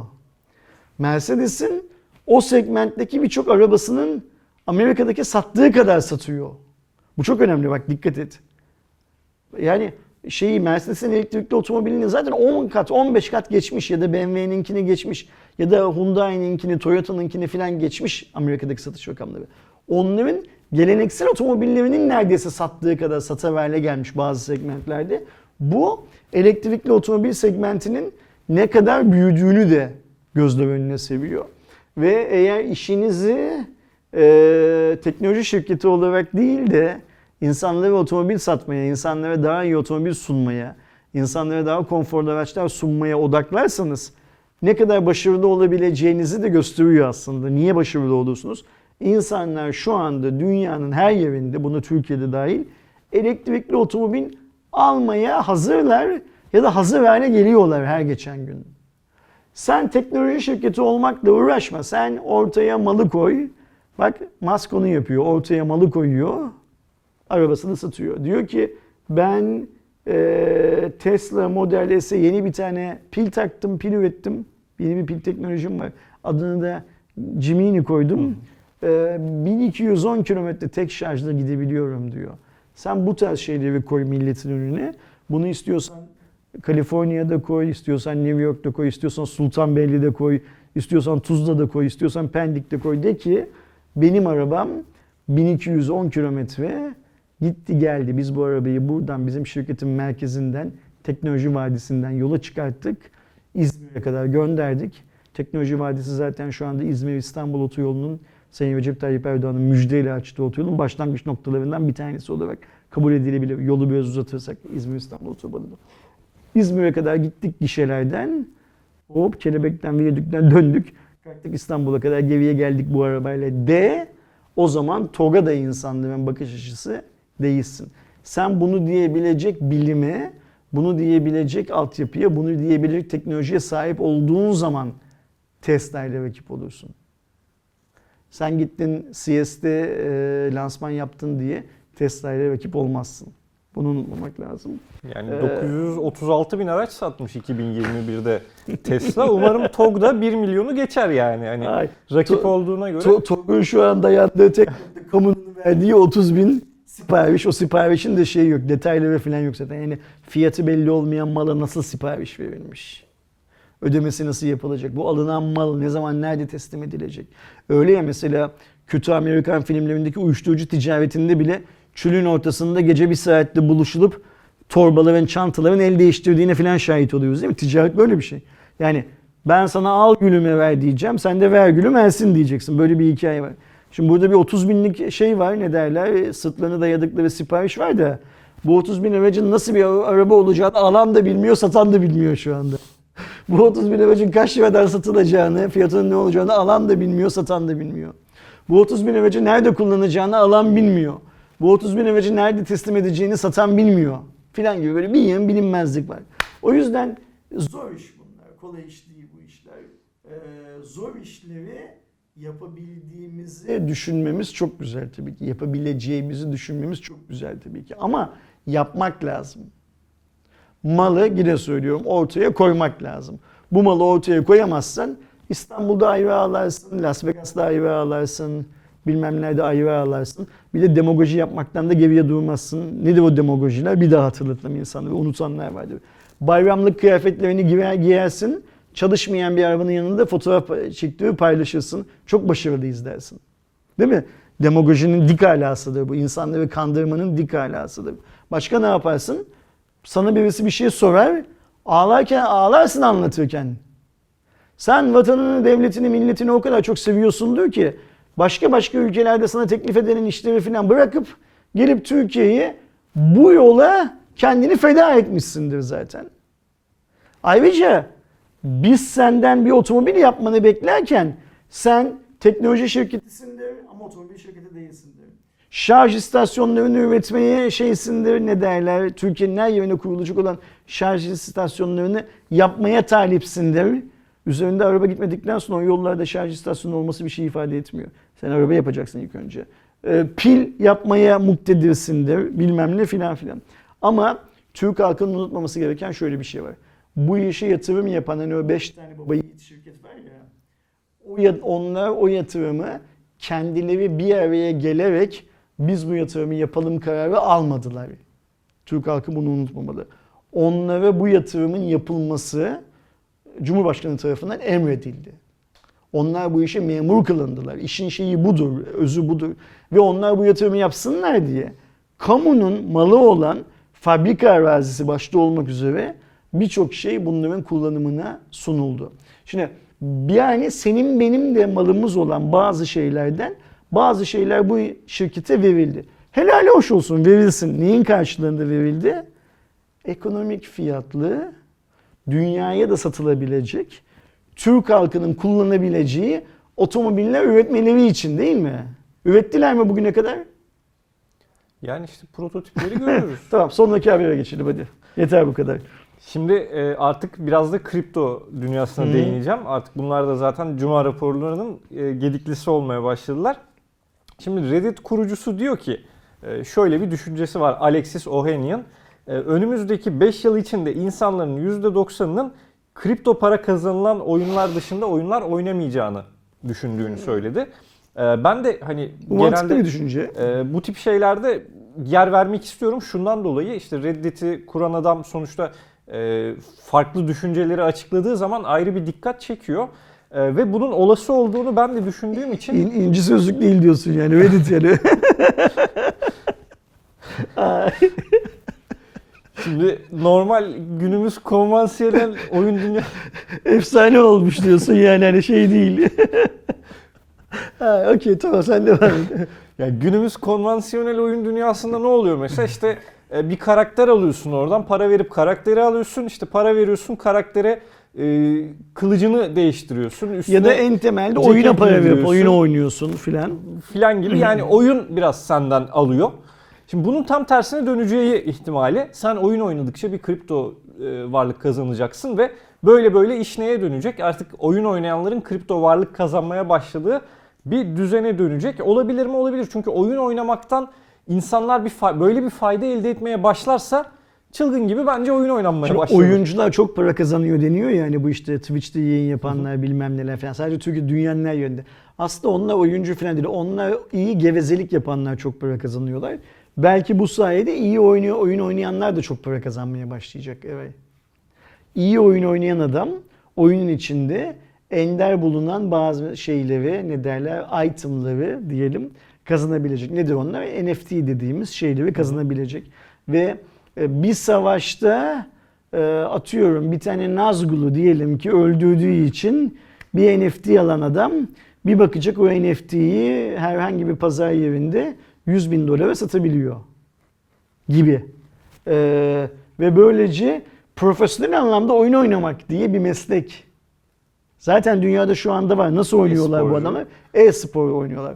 Onun dışında mesela diyelim ki Eray ne iş yapıyorsun diye soracağız sana. Diyeceksin ki ben sabah saat 9'da kalkıyorum. Akşam saat 6'ya kadar ejderhaların peşinde koşturuyorum. Bilmem ne dünyasında. Hani bu metaverse, metaverse denilen şeyler de aslında bir tane meta yok. Bir tane metaverse yok. Bir yer metaverse var ya. Herhangi bir dünyada ejderhaların peşinde ya da solucanların peşinde ya da ersinlerin peşinde bilmiyorum. Herhangi bir şeyin peşinde koşturuyorum.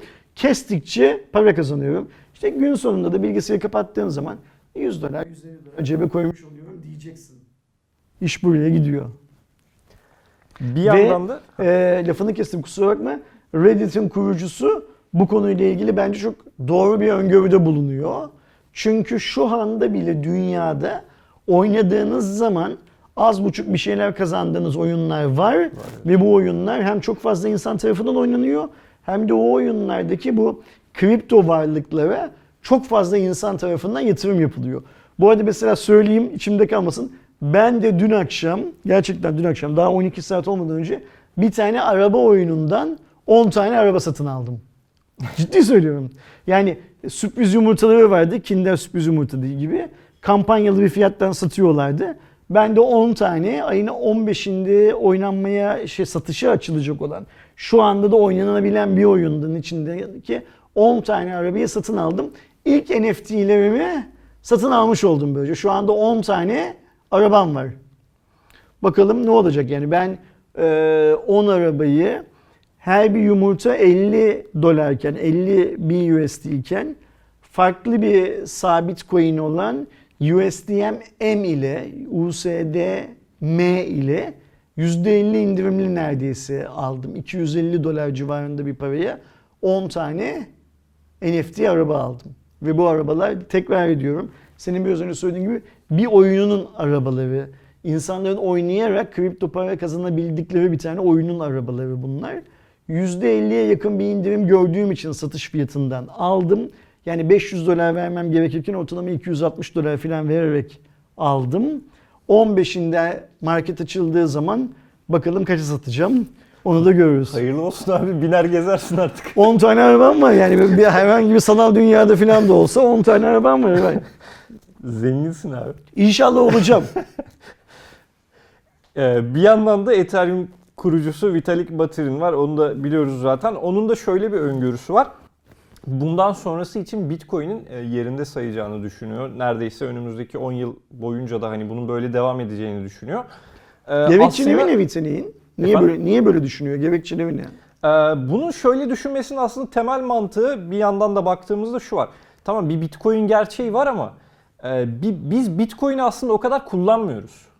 Tamam var. Hepimiz bunu almak istiyoruz, buna sahip olmak istiyoruz ama kullanmıyoruz. Pazarı da o belirliyor ama Evet. o belirlemesine rağmen bir işe yaramıyor değil mi Bitcoin çok fazla? Ama öyle bir şey düşün ki bunu her gün hayatında her noktasında kullandığın bir şey olduğunu düşün. Ee, birçok platformun buna hizmet verdiğini düşün ve birçok platformun altyapısının bununla kurulduğunu vesaire düşün. Böyle bir şey ortaya çıkacak elinde sonunda ve hepimizin hayatının içinde aktif kullandığı bir şey haline gelecek. E bu bir noktada artık Bitcoin'den e, pazar değeri vesaire olarak da çok daha değerli bir şey olacak. E, biraz da buna dayanarak da aslında Burada bir mono alayım. Vitalik şunu söylüyor yani. Piyasada o kadar çok coin var ki mesela biraz önce bahsettiğimiz bu hani NFT'ler bilmem neler filan gibi. İnsanların aldıkları zaman sadece cüzdanlarında tutmakla uğraşmadıkları, başka başka işlev için kullanabildikleri birçok şey var diyor. Alternatif kripto yatırım aracı var diyor. Bunlar varken Bitcoin'in hani bu ilk kripto para olması yüzünden bilinirliği bilmem nesi falan ayrı mevzu ama daha çok değerlenmesi önümüzdeki 10 yıl için mümkün değil diyor. 10 yılda kafadan atılmış bir şey değil evvel, süre değil evvel. Bitcoin'in kazım hikayelerine baktığımızda şunu biliyoruz ya. Kazım gittikçe zorlaşıyor, kazım gittikçe zorlaşıyor filan muhabbeti var ya. 10 yılda ona göre belirlenmiş bir şey. Ee, Bitcoin evet arzı sınırlı bir şey hmm, kripto para. Ama buna rağmen Vitalik e, ki bence kripto para camiasındaki aklı başında adamlardan bir tanesi Vitalik. Yani söylediği şeylerin e, tartıp filan yapan, konuşan bir. Mark gibi değil yani Facebook e, Mark gibi değil. Öyle e, sırf kendine yontan bir herif değil. Bu öngörüsü çok garip çünkü ben de e, 2022 sonuna kadar yatırım tavsiyesi değildi ama 100 bin dolara göreceğimizi düşünüyorum mesela. Belki de benim e, 100 bin doları görmek işime geliyor. Ben öyle düşünüyorum. Belki e, Bitcoin'in daha çok değer kazanmaması da e, Ethereum'un işine geliyor. Belki de Vitalik o yüzden böyle düşünüyor. Bilmiyorum ne olduğunu. tabii ki o da olabilir. Şeyi de söyleyelim bu arada. Geride bıraktığımız hafta Bitcoin 13 yaşına bastı artık. Yani 13 yıllık bir teknoloji ve aslında e, 13 yıl kulağa çok gibi gelse de hala çok genç aslında Çok bir genç. yandan da. Bir de şöyle bir şey var. Şimdi bu 13 yılın ilk 6-7 yılı neredeyse yani. bilinmezlik zamanı. Yani şu an Türkiye'de ben eminim mesela Binance falan işte tüm borsalar şey yapsalar, açıklasalar rakamı herhalde %50'den fazla tü- kripto para yatırımcısı çıkar Türkiye'de. Yani her iki kişiden birisinin kripto para yatırımı vardır ya da aktif olarak orada parası olmasa bile hesabı falan vardır diye düşünüyorum. Ama bu popülerliğe ulaşma zamanı son 2 yıl falan yani 13 yılın son 2 yılı falan sadece Türkiye'de dünyada da böyle. Onun ondan önceki çok bakir bir dönem ve o dönemde piyasaya girenler e, herhalde şimdi çok mutlular diye tahmin ediyoruz değil mi? Hı hı. Olabilir. Yüksek ihtimal. Ve Cuma raporunu neyle bitiriyoruz Eray? Ee, Elon Musk var önümüzde. Bir de Türkiye Uzay Ajansı var. Elon Musk Mesih, yeni Mesih, modern zamanların Mesih'i 2022 yılında değil mi? Bu yılın sonlarına doğru dünyanın bir Olası bir ekonomik finansal kriz ekonomik bekliyor. kriz yaşanacağını düşünüyor. 2008 krizini aratacak bir kriz olduğunu da Yani düşünüyor aynı çok şey bir zamanda. kriz olacağını, acımasız bir kriz, çok büyük bir kriz olacağını öngörüyor şimdiden. Bunu yapan adam bir yandan otomobil satıyor, bir yandan sosyal medyada coin şilliyor milleti annesiyle birlikte. Bir yandan da ben yandan da kriz Amerika'da ve bir yandan da ben Amerika'nın devletine bu vergileri nasıl ödeyeceğim bilmem ne filan diye de ağlayıp sızlıyor. Değil mi? Çok, güzel. e, yani belli bir çizgide hareket eden bir insan değil Musk zaten ama hani bu kadar şeyin içinde senin de belirttiğin bu kadar şeyin içinde abi nasıl böyle bir hani açıklama yapıyor? Benim de aklım almıyor. Yani bu yaptığı açıklama ne kendisine hizmet ediyor ne e, dışarıdaki vatandaşa hizmet ediyor.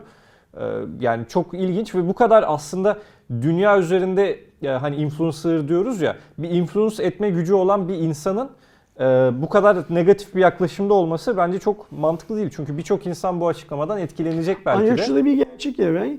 Dünyanın ekonomik gidişatı pek iyi değil. Yani sadece Türkiye özelinde konuşmayalım bunu.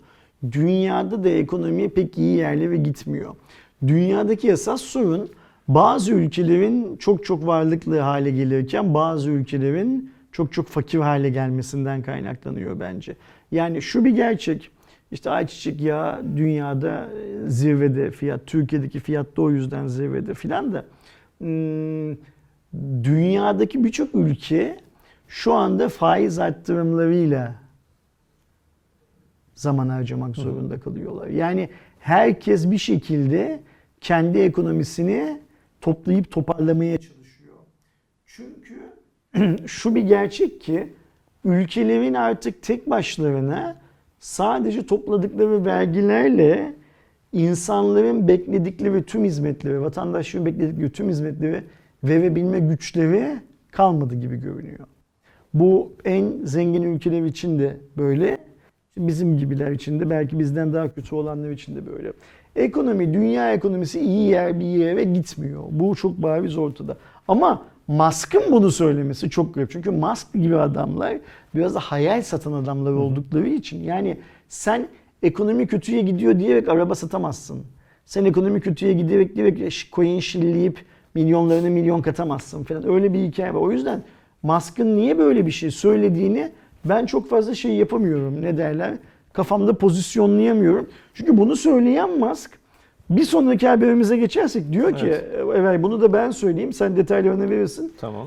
5-10 yıl içinde diyor insanları Mars'a indirebilecek kapasiteye, teknolojik yeterliliğe sahip olabiliriz diyor. Yani hani bu Mars göçü var ya onun 5-10 yıl içinde ilk insan ayağı Mars'ın yüzeyine değecek diye anlıyorum ben bunu.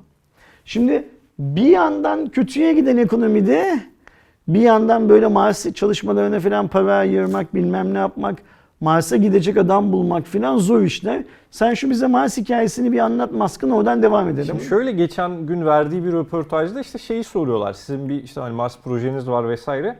Ee, yani ne, ne zaman insan göndermeyi umuyorsunuz diyor ve 5 yıl yani en iyi ihtimalle her şey yolunda giderse 5 yıl ama en kötü ihtimalle de 10 yıl içinde ilk insanı Mars'a göndermiş olacağız ve 2050 yılında muhtemelen Mars'ta 1 milyon insan yaşıyor olacak diyor. 1 milyon insan. İnsan Mars'ta. Mars'ta yaşayacak. Şimdi bunlar tabii ki çok şey rakamlar. eee, garip rakamlar. Yani 1 milyon kişi az buz bir insan değil Eray.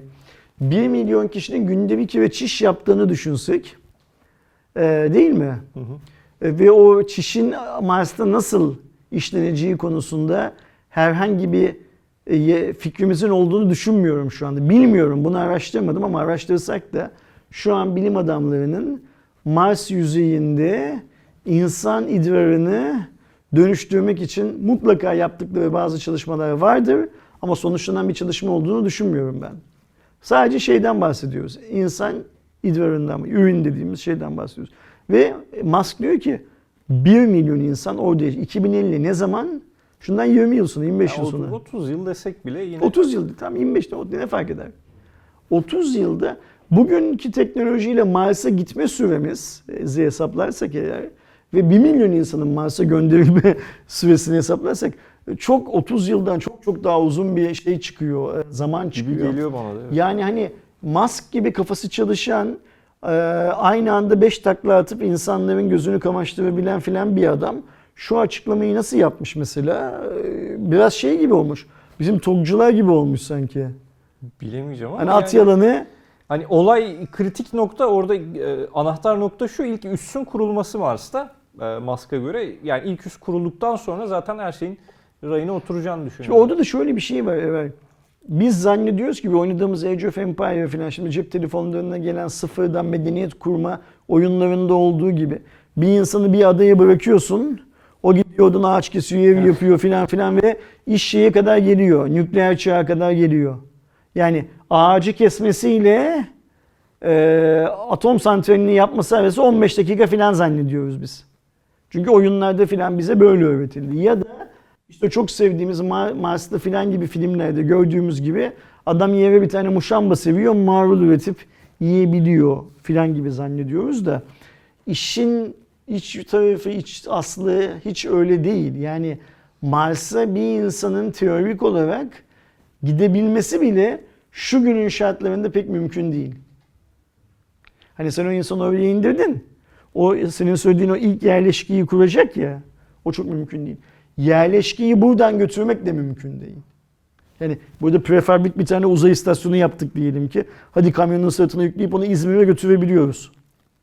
Ama dünyadan Mars'a götüremiyoruz şu şartlar altında.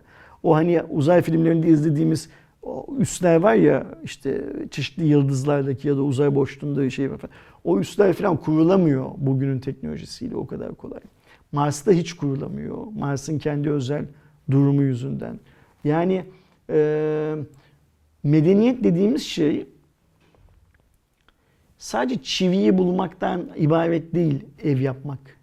Onu anlatmaya çalışıyorum. Çiviyi çaktığın yerin de çiviyi tutacağına emin olman gerekiyor ya. Şimdi Mars'ta nasıl bir yapılaşma bilmiyoruz. İşte 1 milyon insanın idrarını ne yapacağız? Paketleyip dünyaya geriye göndermeyeceksin herhalde değil mi? Gübre niyetine. Ya da şey mi uzay boşluğuna mı salınacak acaba? Şimdi büyük bir ihtimalle işte damıtılıp tekrar su üretilecek bilmem ne filan da maddenin korunumu kanunu yani insanlığın işte dünya üzerindeki binlerce yıllık yaşaması sonunda ortaya çıkan bazı kurallarımız var. Fizik kurallarımız var. Mesela maddenin korunumu kanunu bunlardan bir tanesi. Hiçbir şeyi yoktan var edemiyorsun ve hiçbir şeyi vardan yok edemiyorsun gerçek anlamda. İdrardaki zararlı maddeleri de yok edemiyorsun. Ne kadar ayrıştırırsan ayrıştır. Oradan elde edebileceğin işte atıyorum her gün 1 milyon litre idrarı çevirerek elde edebileceğin attım bilmiyorum 10 bin litre temiz su karşılığında harcayacağın enerjinin bedeli olmuyor o su ve sonra bir atık maddede sana dönüyor. O yüzden bana öyle geliyor ki Musk biraz artık şey yapıyor. Hmm, bu hayal satma hikayesini ya ben ne desem yiyor bu millet zaten diyor. Doge diyorum atlıyorlar. Şey diyorum Mars projesi diyorum atlıyorlar işte onu yapıyoruz diyorum atlıyorlar. Şapka takıyorum bir fotoğraf çektiriyorum şapkanın satışları web sitesinde açıldı diyorum insanlar ya hop 10 dakika içinde 1 milyon tane şapka satın alıyor 50 dolardan filan diyor. Bunu da dersem biz 2050 yılında 1 milyon insanı Mars'ta yaşatıyor olacağız dersem de insanlar buna inanırlar diye düşünüyor herhalde. Eğer bizim bilmediğimiz başka bir yöntemle o 1 milyon insan oraya götür yani o 1 milyon insan orada doğabilir mi? Yani 1 milyon insan orada olacak diyor sonuçta. Acaba hani 500 bin tane gönderip Böyle sayıyı mı arttıracağız böyle? Ya da bilmiyorum. sadece tüp bebek şey mi göndereceğiz Yani. acaba? Ee, bilemedim valla. Benim aklım çok fazla yatmıyor bu işte ve. Yani ama Yani- umarım olur ya. Umarım olur. Ya olur tabii ki olur da şimdi evvel şeyi de unutmamak lazım. 2050'de de olacağına iş Ben 2050'ye kadar yaşar mıyım diye düşünüyorum. Bir ihtimal yaşayabilirim. Yani 30 yıl işte senin 28 yıl var bu saatten sonra. 49 yaşındayım. 77 yaşımda olurum. Türkiye'de 77 yaşında da ve 77 yaşının üzerinde çok fazla insan var. O yüzden ben niye olmayayım? O anda bunu göreceklerden bir tanesi. Gerçekten bu gerçekleşirse olmak ve görmek isterim. Gerçekten bunun hangi şartlar altında, hangi bilimsel e, temellere oturtulduğunu okuyup, dinleyip, izleyip öğrenmek isterim. Bunların hepsi ayrı mevzu. Ama bir de şöyle bir şey var Eray. Biz hepimiz bildiğimiz kadarını şey yapabiliyoruz. Şekillendirebiliyoruz kafamızda. Ve bugün bildiğimiz kadarı bunun şekillenmesi en azından şöyle söyleyeyim. Benim bugün bildiğim kadarı bu 2050 yılındaki 1 milyon insanı şekillendiremiyor bana. Acaba diyorum bu adam bazen böyle radyo programlarında falan bir şeyler tüttürüyor ya. bu açıklamayı yapmadan önce de başka başka bir şeyler tüttürmüş olabilir mi mesela? Belki de, belki şey olur. Neyse biz modern Mesih Musk hakkında atıp tutmayı seviyoruz HVP olarak. Adamın yaptığı şeylere de değer veriyoruz değil mi? O yüzden kulaklarını çınlatmaktan hoşlanıyoruz. Kalkıp bize kızacağını falan da sanmıyorum. Umursamaz bile. O şeye bakar. Doge 5 dakikada ne kadar hareket etmiş bir tweet sonrası 3'ten alıp nasıl 333'ten satmış falan onlara bakar bence sadece.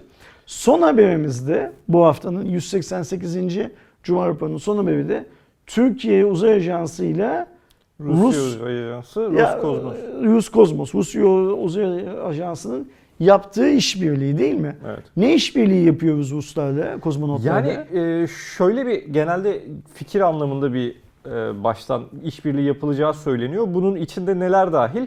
E, potansiyel olarak işte uzay, insanlı uzay araştırmaları, uzay teknolojisi kullanımı, e, gezegen araş- araştırmaları, uzay izleme, uzayda yapılacak bilimsel araştırmalar, uydu navigasyonu, telekomünikasyon ve iletişim demişler ama e, işin detayları açıklanmadı. Hani Genel anlamda çok şunu genel anlıyoruz anlamda değil mi? konuşuldu. Türkiye Uzay Ajansı ile onun muadili olan Rusya'daki Uzay Ajansı birlikte çalışabilme konusunda fikir beyan etmişler Evet, aslında öyle evet. değil mi? Yani mesela şöyle bir şey yok.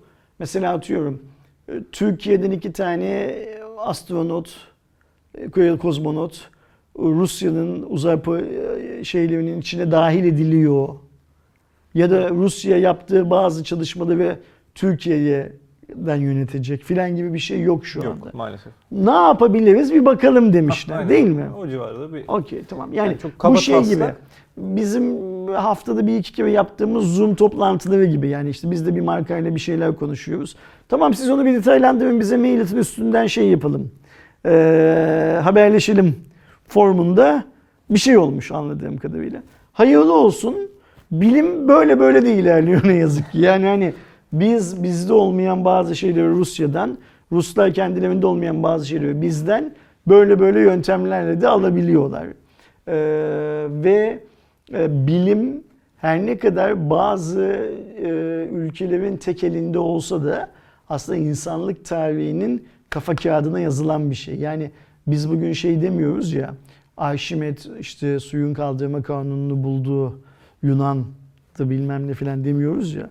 Artık hani o suyun kaldırma kuvvetinden yola çıkılarak gemilerin bilmem nelerin filan yapılması tüm dünya kültürünün bir parçası ya. Ee, bilim böyle bir şey. Dünya kültürünün, dünyanın üzerinde yaşayan tüm insanların sahip olduğu bir şey. Nitekim yine Biontech'e dönecek olursak dünya üzerinde yaşayan tüm insanların hayatını koruyan bir şey. Onları hastalıklardan koruyan bir şey. O yüzden umalım ki Türkiye Uzay Ajansı ile Rus Uzay Ajansı'nın bu biz birlikte bir şeyler yapabiliriz iyi niyeti yani şu Amerikalıların goodwill dedikleri hikaye e, sonuç versin. E, Rusya bizim komşumuz öyle ya da böyle yani komşumuz dedim işte eskiden tamam gerçek anlamda komşuyduk. Şimdi o başka ülkeler nedeniyle komşuluğumuz eskisi gibi değil ama sonuçta dibindeyiz. Onlar da bizim dibimizde ve iki ülkenin birçok konuda birlikte çalışması aslında şey değil. Engel değil. Ee, eğer Türkiye Uzay Ajansı bu mümkün olan şeyi engelleri ortadan kaldırıp Rusya ile birlikte bir şeyler yaparsa ve biz Rusların uzay çalışmalarından küçücük bir şey öğrenirsek ya da biz Ruslara uzay çalışması anlamında küçücük bir şey öğretebilirsek ne mutlu bize değil mi Türk olarak? Aynı Ne- zamanda insanlık için de bir Aynı öyle. yani. Ne diyordu?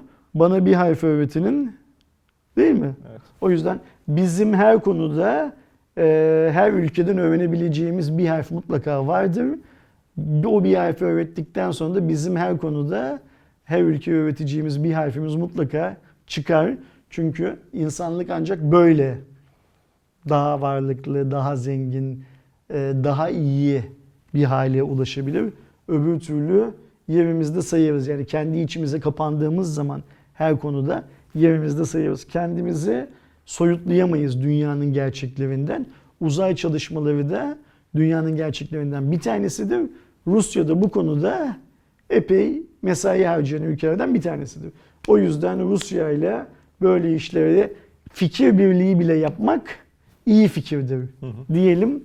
Ve bu haftanın Cuma raporunu böylece bitirelim. Evet. Ee, bu hafta bana eşlik ettiğin için çok çok teşekkür ederim. Ben teşekkür ederim. Çok güzel haberler seçmişsin. Eline sağlık. Bir kere şeyi fark ettim seninle Cuma raporunu yaparken. Biz son zamanlarda daha az haber veriyormuşuz arkadaşlarımıza. Bugün daha çok haber verdik. Onu fark ettim. Haber sayımız çoktu. İnşallah arkadaşlarımız bu çok haber sayısından keyif almışlardır şey yapanlar ne derler programı izleyenler. Sen zaten videonun altına time kodlarını video yayını alır almaz yerleştirirsin. Böylece uzun bir cuma raporu oldu. Bir buçuk saati geçti hatta iki saate yaklaşıyor gördüğüm kadarıyla. Ee, isteyen istediği kısmı kolaylıkla izler ve yorumlarını kendisini düşünüyor bu konularla ilgili. Yorumları aşağıda bizimle paylaşır. Burada insanların kafasında şöyle bir sorun var bence Eray. Biz böyle yorumlarınızı paylaşın dediğimiz zaman size destek veriyoruz, veriyorum ya da sizinle aynı fikirde düşünmüyorum. Yanlış söyledin, doğru söyledin filan gibi şeyleri yazıyor insanlar. Biz onu istemiyoruz Cuma raporunda. Biz şunu istiyoruz. Mesela Türkiye Uzay Ajansı ile Rus Uzay Ajansı'nın birlikte işbirliği ile ilgili sen ne düşünüyorsun güzel kardeşim? Bunu yaz istiyoruz aşağıya. Ya da Cuma raporunda ele aldığımız konulardan herhangi birisiyle ilgili sen ne düşünüyorsun? Onu yaz. Senin fikrini de duyalım istiyoruz. O yüzden lütfen arkadaşlar haberlerle ilgili, yorumladığımız konularla ilgili ne düşündüğünüzü yorumlarda paylaşın. Önümüzdeki hafta 189. Cuma raporunda kısmetse Aydoğan'la birlikte tekrar karşınızda olacağız. O güne kadar kendinize iyi bakın. Hoşçakalın.